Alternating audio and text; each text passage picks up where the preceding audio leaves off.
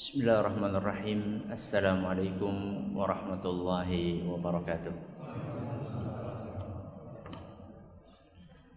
Innal hamdalillah nahmaduhu wa nasta'inuhu wa nastaghfiruh wa na'udzu billahi min shururi anfusina wa min sayyiati a'malina.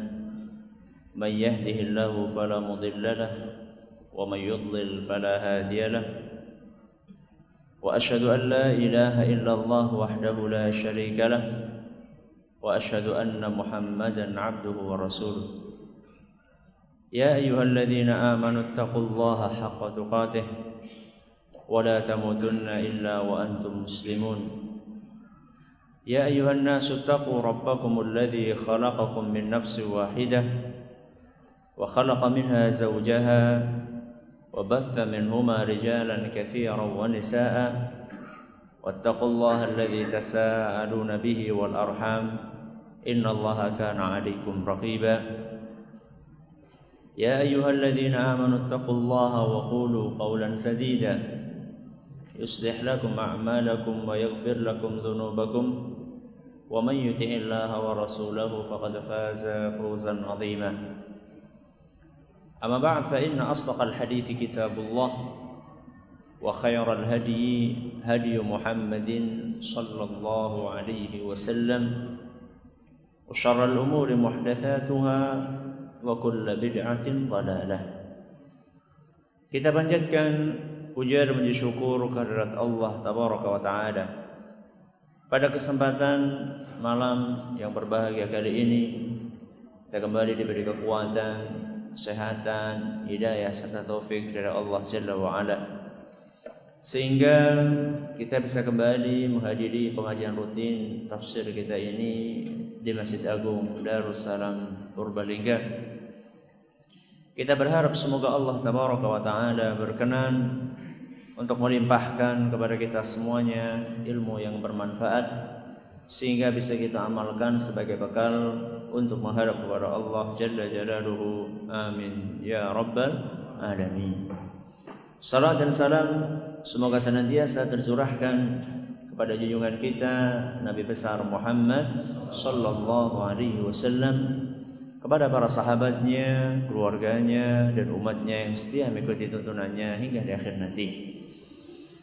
Para hadirin dan hadirat sekalian kami hormati dan juga segenap pendengar Radio Insani 88 FM di Purbalingga, Purwokerto, Banyumas, Banjarnegara, Cilacap dan sekitarnya.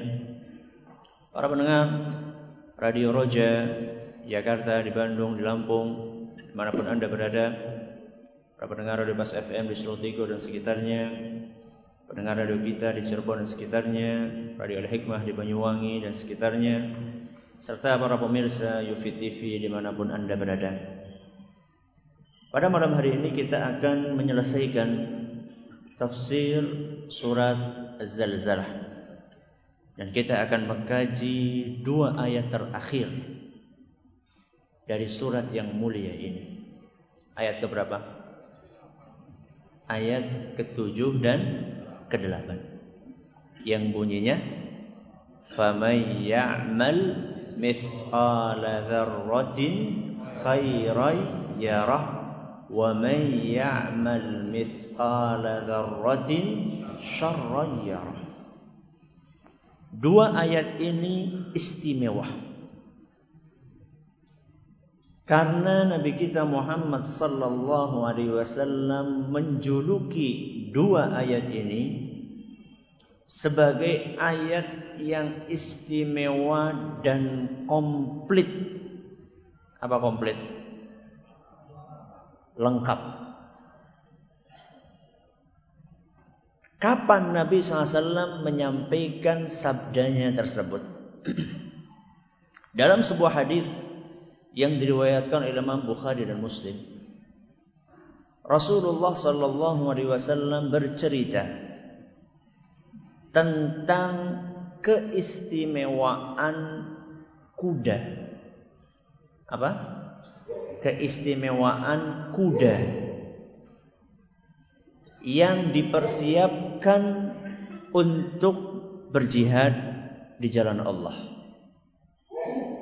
Ketika menjelaskan tentang keistimewaan kuda yang dipakai untuk berjihad, Nabi kita Shallallahu Alaihi Wasallam menceritakan bahwa pahala yang akan diambil, pahala yang akan didapatkan oleh si pemilik kuda itu bukan hanya dihitung manakala kuda itu sudah dipakai di dalam peperangan, bukan. Tapi ketika sedang digembalakan,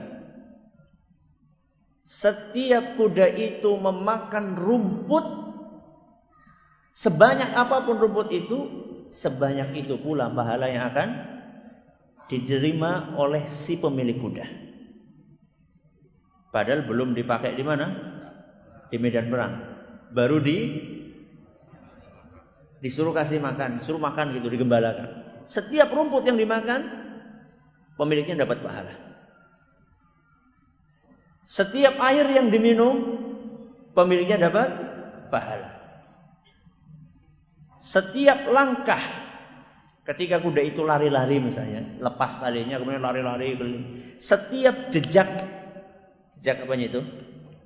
Telapak kakinya yang diinjakkan pemiliknya dapat pahala. Bahkan kata Nabi sallallahu alaihi wasallam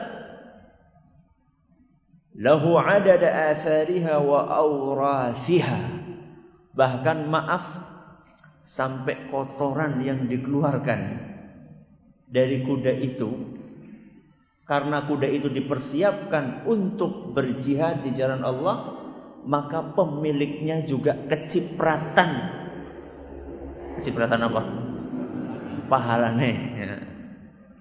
pemiliknya juga mendapatkan pahalanya ini kan luar biasa kan? Nabi bercerita ini tentang pahala orang yang memelihara kuda untuk jihad fisabilillah. Kuda mahal nggak? Mahal. Tidak semua sahabat Nabi SAW bisa beli kuda. Siapa di sini yang punya kuda? Bukan mobil kuda. Paling yang punya dokar yang punya ya. Gak setiap orang bisa beli kuda. Akhirnya di antara para sahabat ada yang nanya kepada Nabi SAW. Ya Rasulullah, fal humur. Wahai Rasul, bagaimana yang gak punya kuda, cuma punya keledai? Cuma punya apa? Keledai.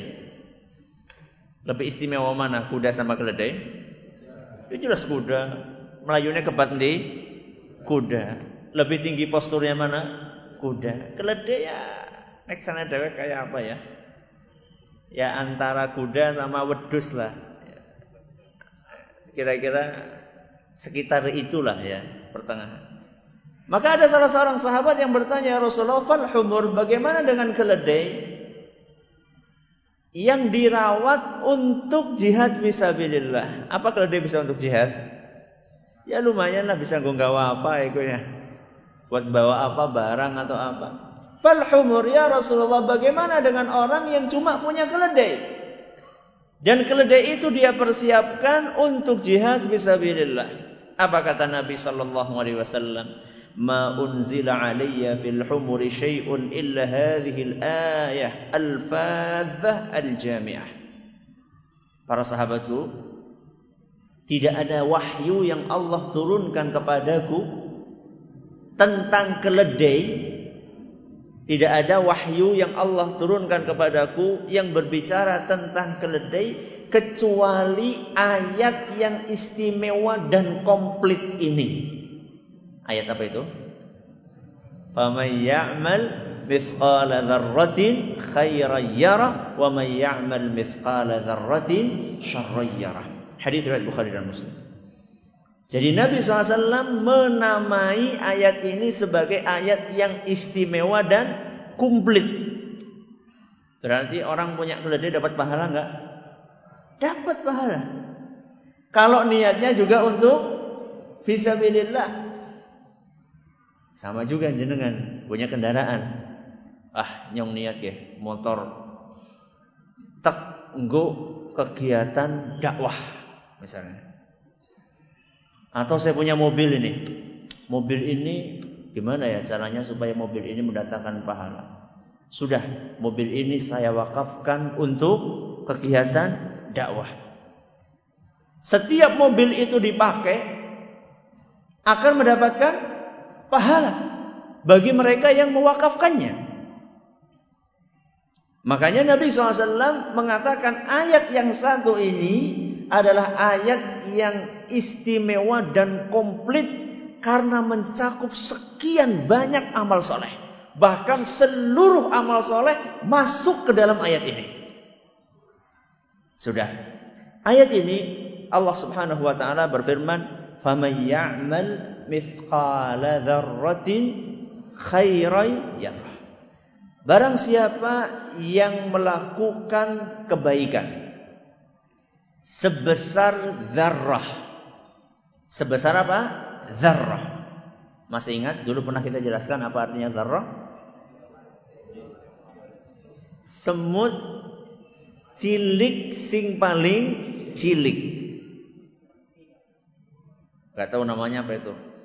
Sing mandan mambu apa ya, mambu langu apa ya. Semut kecil yang paling kecil. Ini menurut penafsiran sebagian ulama. Ulama yang lain menafsirkan debu.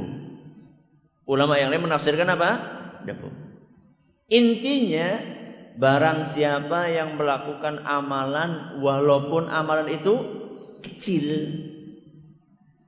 Karena orang-orang dahulu di zaman diturunkannya Al-Qur'an sesuatu yang paling kecil di mata mereka saat itu adalah kalau tidak semut yang paling kecil ya debu. Makanya keliru.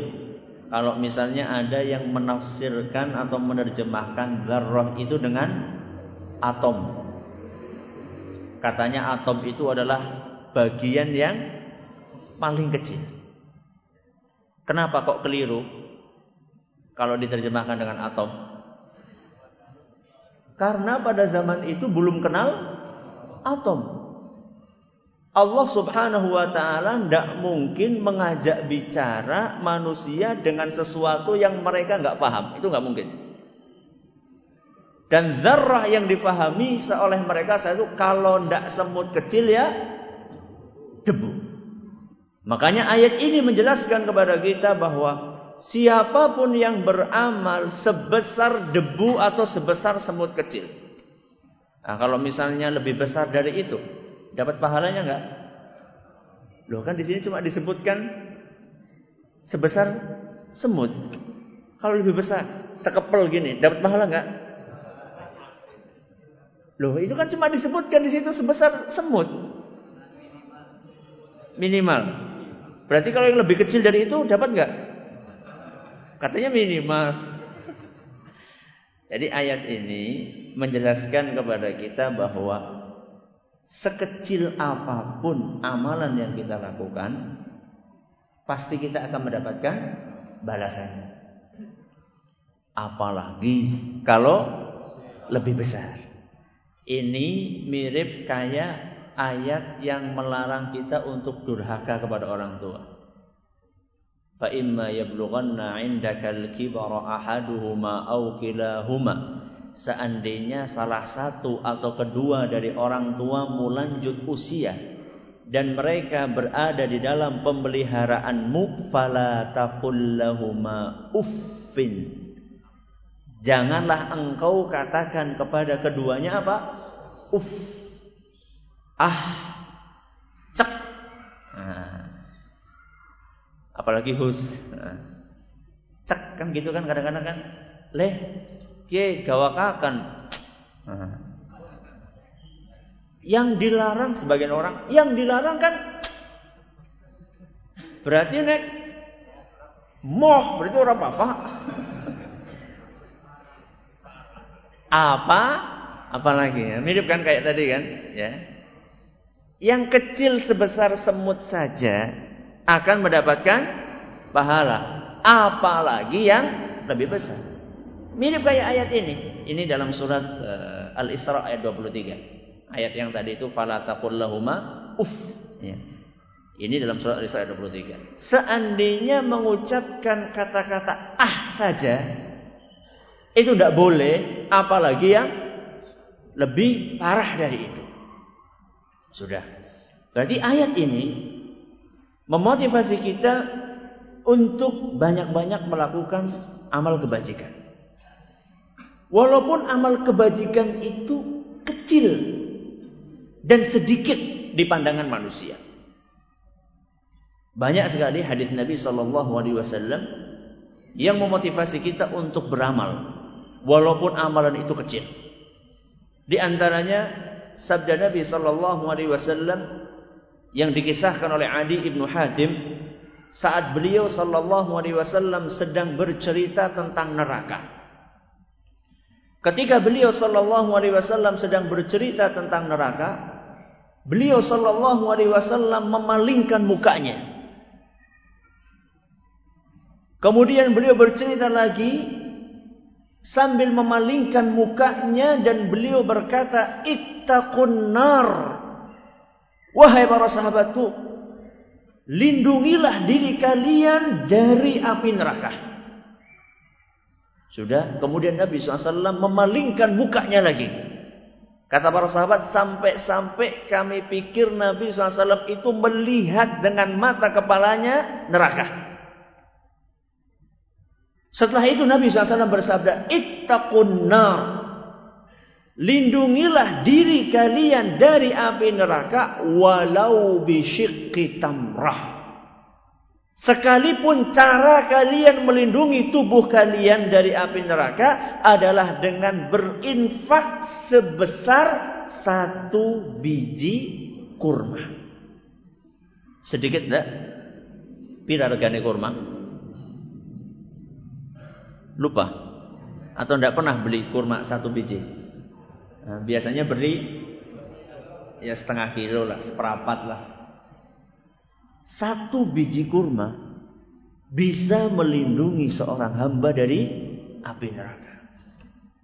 Cara dia kan dia mendoan separuh dia. Mendoan, wis mendoan kur separuh mendoan. Sekarang berapa mendoan? 500 masih ada nggak? Seribu. Nah, mendoan seribu di paro berarti? Lima ratus. Kata Nabi SAW, Ittaqun nara walau bisyikki tamrah. Lindungilah tubuh kalian dengan api neraka walaupun cuma dengan sebutir kurma. Mampu nggak kita infak sebutir kurma? Mampu nggak? Mampu. Insya Allah mampu. Ini kalau ikhlas bisa melindungi tubuh kita dari api neraka. Makanya kata para ulama, rubba amalin saghirin tukabbiruhun niyah. Betapa banyak amalan yang kecil menjadi besar karena niat. Wa rubba amalin kabirin tusaghiruhun niyah. Dan betapa banyak amal yang besar menjadi kecil karena niat. Niatnya ndak ikhlas. Nyumbang 10 juta. Bareng orang jadi tarik maning. Gue kayak gue kira-kira gue ikhlas apa ora? Walaupun ngomongnya nun saya Pak kulo temenan ikhlas, ikhlas ngomong-ngomong. Nih kulo temenan ikhlas nih kulo nyumbang ge pasire niki 10 truk lah. Barang ora jadi 10 truk diangkuti kabeh. Nauzubillahi min dengan orang yang infak dia mungkin cuma bisa beli satu buah bata. Bata sebutir bata itu berapa harganya? Sing bata sing apik lah kayak Manggisari apa-apa. 700 atau 800 ya. Saya nggak punya, saya punyanya duit seribu perak saya belikan bata satu untuk bangun masjid nun sewu panitia saya bisanya cuma ini. Panitianya jangan nyumbang ke bata siji. Gak boleh kayak gitu. Kalau dia itu betul-betul ikhlas ini bisa lebih berbobot di mata Allah Subhanahu wa taala daripada orang yang nyumbah pasir 10 truk tapi ditarik maning. Jadi kata Nabi SAW, Ittaqun nara walau bisyiqqit tamrah. Lindungilah tubuh kalian dari api neraka walaupun dengan cara berinfak satu butir kurma. Kemudian kata Nabi SAW, Faman yajid Barang siapa yang tidak punya sebutir kurma. Ada nggak orang yang sebutir kurma pun tidak punya? Ada. Ada sebutir kurma pun tidak ada. Ini orang yang miskin semiskin-miskinnya. Kata Nabi SAW, فَمَنْ لَمْ يَجِدْ فَبِكَلِمَةٍ طَيِّبَةٍ Barang siapa yang tidak punya sebutir kurma untuk melindungi tubuhnya dari api neraka, maka hendaklah dia berucap mengatakan kata-kata yang baik. Jadi kata-kata yang baik itu amal soleh atau bukan? Amal soleh. Seorang bos kepada bawahannya ingin memerintahkan sesuatu untuk dilakukan. Gunakan kata-kata yang baik. Contoh, tolong mas diginikan. Tolong. Itu kalimat yang baik atau bukan? Baik. Walaupun dia bawahan kita. Jangan kita kan ge, ge, ge, ge. Diangkat ge, ge, ge. Kan beda rasanya ya. Beda rasanya. Tulung ke mas diangkatakan. Padahal dia bawahan kita. Kenapa? Karena ini amal soleh. Kalimat toyibah. Ungkapan yang baik. Inilah amal soleh. Atau misalnya ada seorang anak dipanggil oleh ibunya. Le. Dalam. Apa? Dalam. Beda nggak antara dalam apa? Beda nggak? Beda. Enak mana didengarnya? Dalam. Kalimat toyibah kalimat yang bagus bisa melindungi seseorang dari api neraka. Atau misalnya kita mau ngomong sama orang yang lebih tua dari kita, kita katakan nuwun sewu. Ya. Inilah ungkapan-ungkapan baik yang perlu kita perhatikan. Walaupun kelihatannya remeh, akan tetapi akan kita dapatkan balasannya di sisi Allah Subhanahu wa taala. Ini hadis Nabi SAW. Hadis yang lain yang memotivasi kita untuk beramal walaupun amal itu sedikit. Sabda beliau dalam sebuah hadis yang sering kita dengar. Hadis riwayat Muslim. Kata Nabi sallallahu alaihi wasallam, "La tahqiranna minal ma'rufi syai'an." Janganlah kalian meremehkan kebaikan walaupun sedikit. Janganlah kalian meremehkan kebaikan walaupun sedikit walau antal ka akhaka biwajhin talq. Walaupun engkau itu sekedar bertemu dengan saudaramu dengan wajah yang cerah. Jadi Nabi Shallallahu Alaihi Wasallam memotivasi kita untuk beramal. Sekecil apa pun amalan tersebut, walaupun kita hanya sekedar mesem, ketemu sama teman kita dengan wajah yang ceria. Sulit nggak berwajah ceria? Sulit nggak? Sulit. Angelnya apa? Angelnya lagi sariawan Ustaz. Ya sariawan apa angel dina mokora? Sariawannya cuma satu hari, golem golem besengut seminggu. Jadi kita diajari dalam agama kita untuk menghargai amal soleh walaupun kecil. Kenapa? فَمَنْ يَعْمَلْ مِثْقَالَ ذَرَّةٍ خَيْرًا يَرَهُ Hadis lain, riwayat Muslim juga. Kata Nabi sallallahu alaihi wasallam, "Idza tabakhtum maraqatan fa'akthir ma'aha." Seandainya kalian itu masak daging, maka perbanyaklah kuahnya. Fa'aksir ma'aha perbanyaklah kuahnya. Untuk apa? Wa ta'ahad jiranaka. Bagi-bagikan kepada siapa? Tetangga-tetangga kalian. Apa nih? Mending mending daripada yang cuma membagikan baunya saja. Tapi ya tambah yang apalah. Ben mandan ben mandan memper lah, tambah apalah tempe apa tahu apa-apa. Jadi di sini Nabi kita Muhammad SAW tidak pernah sekalipun dalam sebuah hadis menganggap remeh suatu kebaikan sekecil apa pun itu. Dan ini kalau misalnya kita amalkan, saya yakin 100% bahwa kerukunan di antara masyarakat akan tercipta. Kirim-kiriman masakan. Ya. Sikit dikirimi sop, ngasuk ngirimi jangan bening.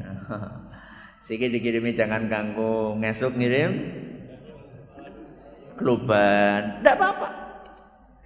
Ini mengamalkan sabda Nabi Shallallahu Alaihi Wasallam untuk saling berbuat baik walaupun kebaikan itu kecil.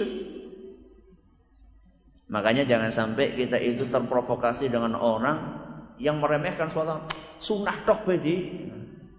Karena ada sebagian orang kayak gitu kan, lah sunnah tok bedi katakan. Enggak. Sekecil apa pun suatu amalan kita berusaha untuk mempraktekannya. Sudah ini ayat yang keberapa? Ayat yang ketujuh.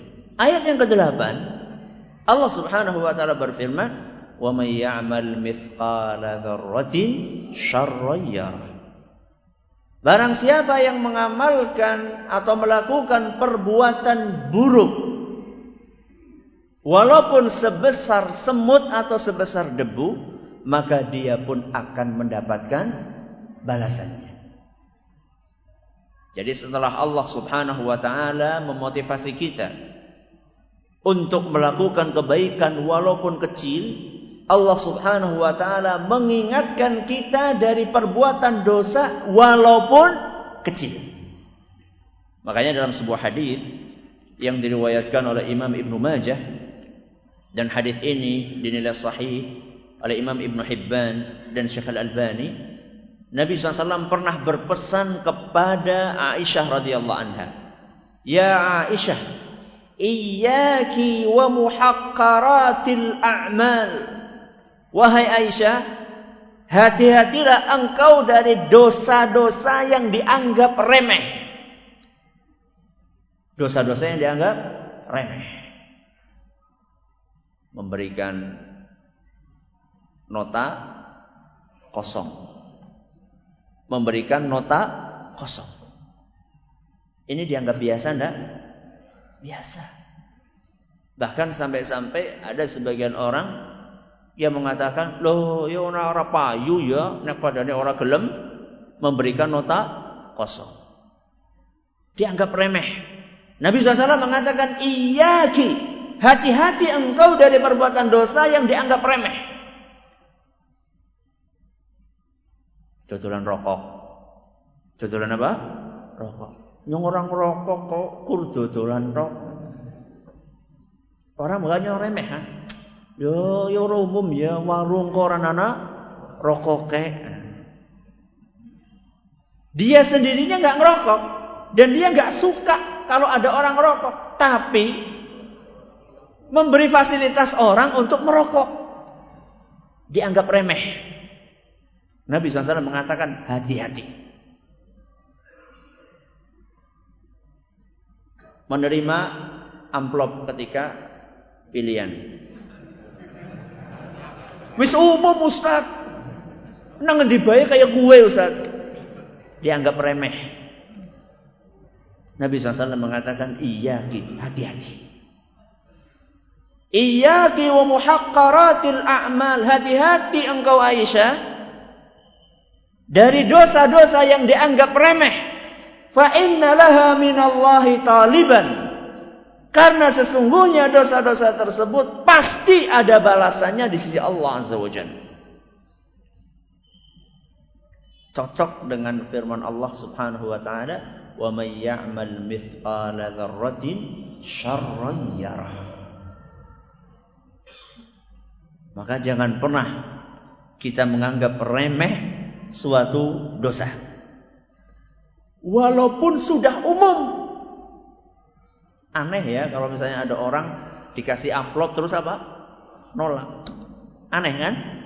Aneh. Umumnya menerima. Coba kira-kira dari sekian banyak, ya, dari sekian banyak orang yang ditawari amplop itu, kalau kita adakan survei, kira-kira berapa persen yang berani nolak?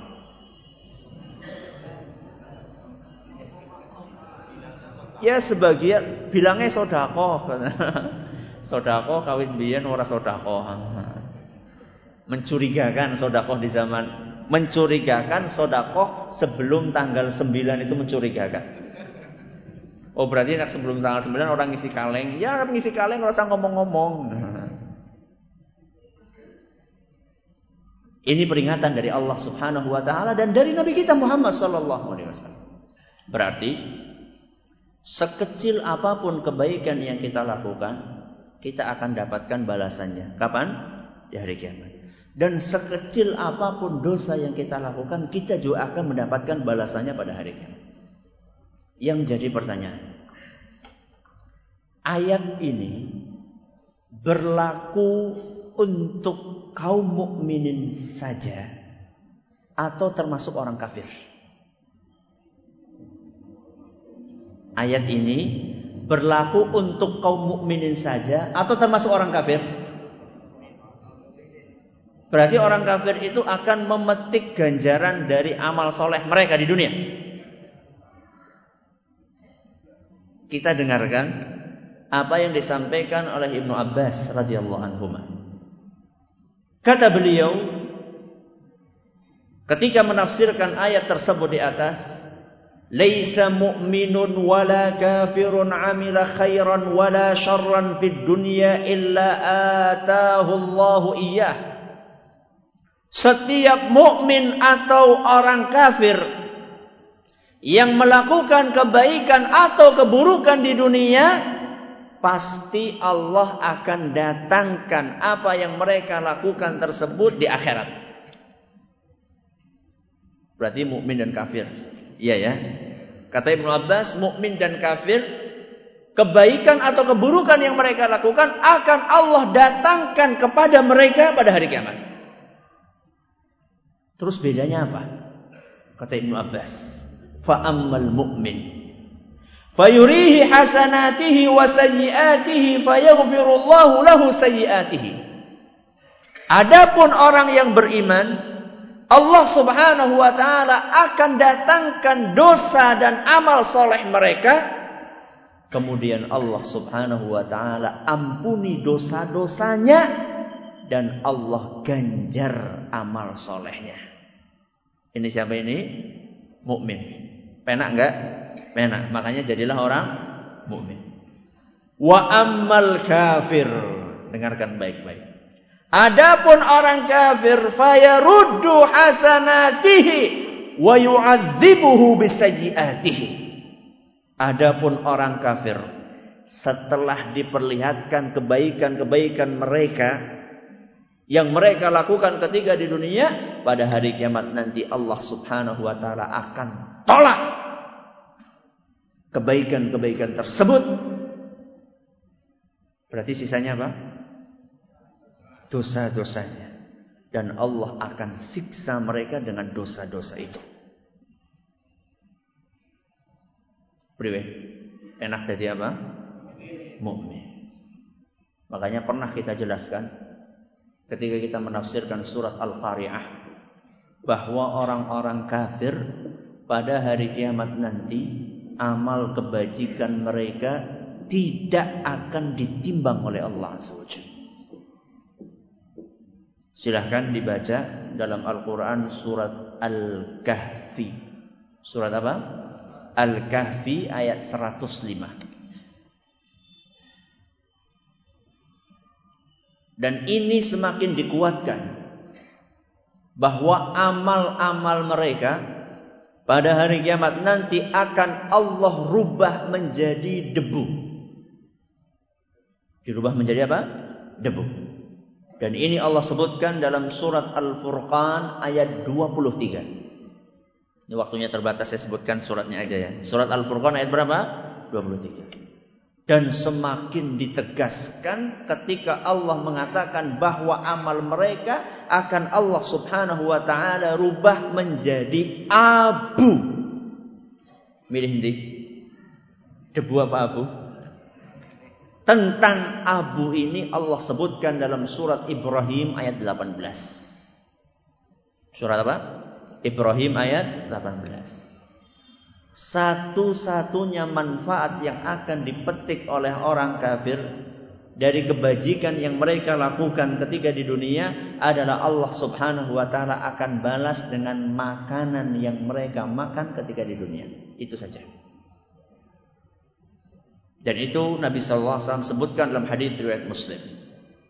Kata Nabi wasallam, "Inna Allah la yadhlimu mu'minan hasanatan yu'ta biha fid dunya wa yujza biha fil akhirah."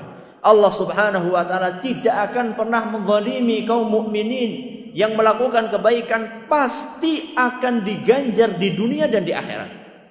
Wa ammal kafir, adapun orang kafir, fayat'amu bihasanati ma 'amila biha lillahi fid dunya. Adapun orang kafir maka kebajikan yang mereka lakukan di dunia akan diganjar dengan makanan yang mereka nikmati ketika di dunia. Makanya nggak usah silo. Ruh wong kafir mangan enak-enak. Kue kur rampung nek wis mati sudah. Adapun orang yang beriman, maka Allah Subhanahu wa taala sediakan kenikmatan yang Allah ceritakan, yang oleh, oleh Nabi SAW ceritakan bahwa seluruh kenikmatan di dunia ini semuanya itu hanyalah satu dari seratus kenikmatan yang Allah sediakan. Berapa? Satu. Berarti seper seratus. Allah punya seratus rahmat. Yang satu sudah Allah turunkan di dunia. Apa itu? Dunia seisinya. Dunia seisinya itu adalah satu per seratus dari karunia Allah. Sedangkan yang sembilan puluh sembilan Allah sediakan untuk orang-orang yang beriman di surganya kelak. Semoga kita termasuk golongan tersebut. Allahumma amin. Sudah. Faman ya'mal mithqala dzarratin khairan yarah wa man ya'mal mithqala dzarratin syarran Berarti nanti pada hari kiamat akan ada penimbangan. Apa yang ditimbang? Amalan. Berarti amalan kita yang akan ditimbang. Salat kita, puasa kita, zakat kita, haji kita akan di, ditimbang. Tapi di dalam beberapa hadis Nabi SAW dijelaskan bahwa yang ditimbang itu buku. Buku apa? Catatan amal kita. Di hadis yang lain disebutkan bahwa yang akan ditimbang adalah orangnya. Berarti ada berapa yang ditimbang sekarang? Ada tiga. Yang pertama amalannya. Yang kedua bukunya. Yang ketiga orangnya. Mengenai buku ini Nabi kita Shallallahu Alaihi Wasallam bercerita tentang seorang yang nanti pada hari kiamat akan didatangkan oleh Allah Subhanahu Wa Taala dan diperlihatkan dia punya catatan dosa di dalam buku yang jumlahnya 99 buku. Berapa catatan dosanya? 99 buku. Satu buku Tebalnya kata Nabi SAW madal basar. Sepanjang mata memandang.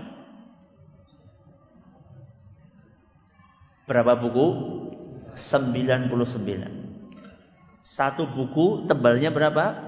Sepanjang mata memandang. Pira gue, pirang halaman kira-kira.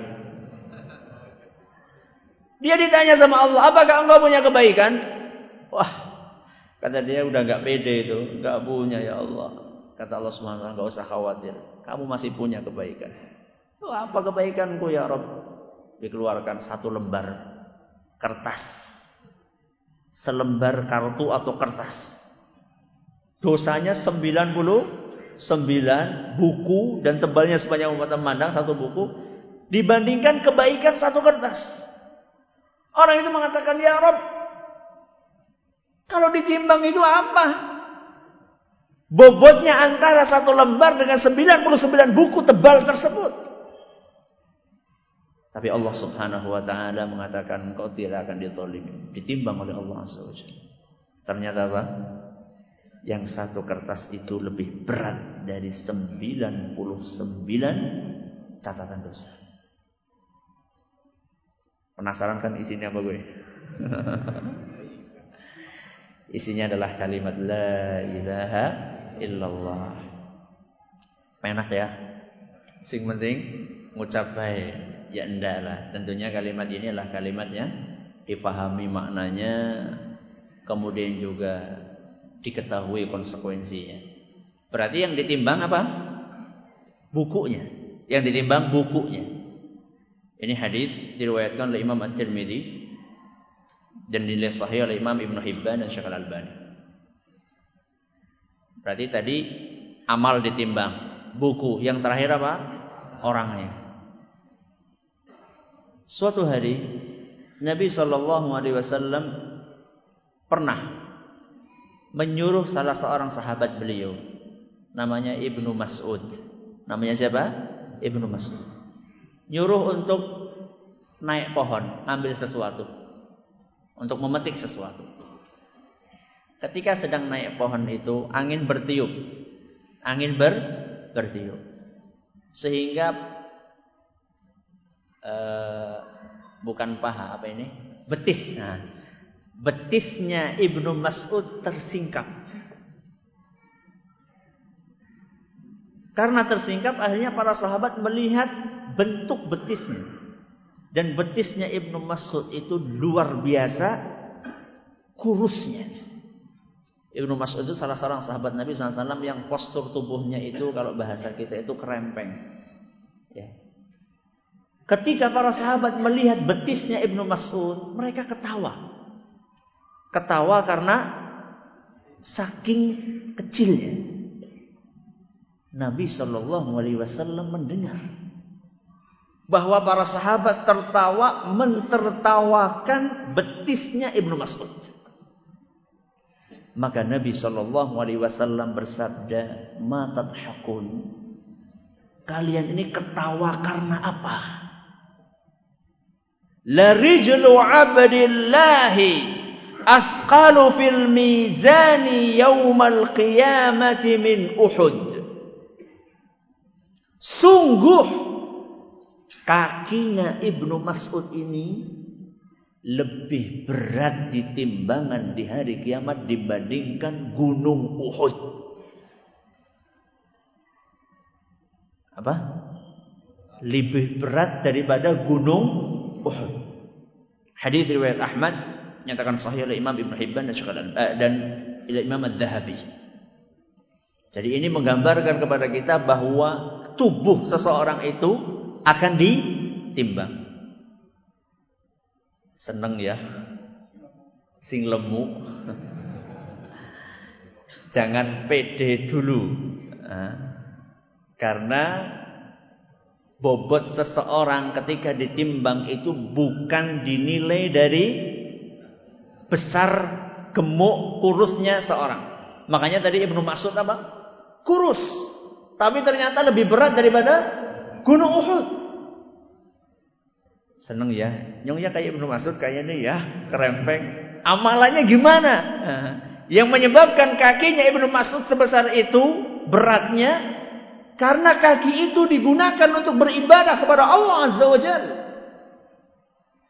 Makanya Nabi SAW dalam hadis lain yang diriwayatkan oleh Bukhari dan Muslim menyebutkan innahu la ya'ti ar-rajulul 'azimus saminu yaumal qiyamah. Nanti pada hari kiamat akan datang seorang yang gede gemuk. La yazinu 'indallahi janaha ba'udah. Ketika ditimbang tidak lebih berat daripada sayap seekor nyamuk. Gede oh, lemu nek mlaku dung dung dung. Ternyata di sisi Allah apa? Tidak lebih berat daripada sayap seekornya.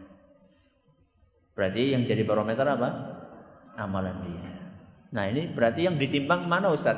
Amalannya atau orangnya atau bukunya? Yang mana yang ditimbang berarti? Duh, terus hadis Nabi tadi apa?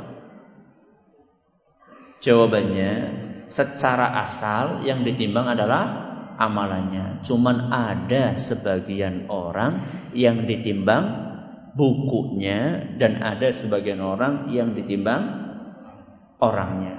Apa pun yang ditimbang kita, semoga kita berharap amal kebajikan kita lebih berat daripada dosa-dosa kita. Allahumma amin. Sampai di sini pengajian kita pada kesempatan kali ini dan insya Allah kita akan lanjutkan dengan memasuki surat yang baru insya Allah. Ada pertanyaan silahkan.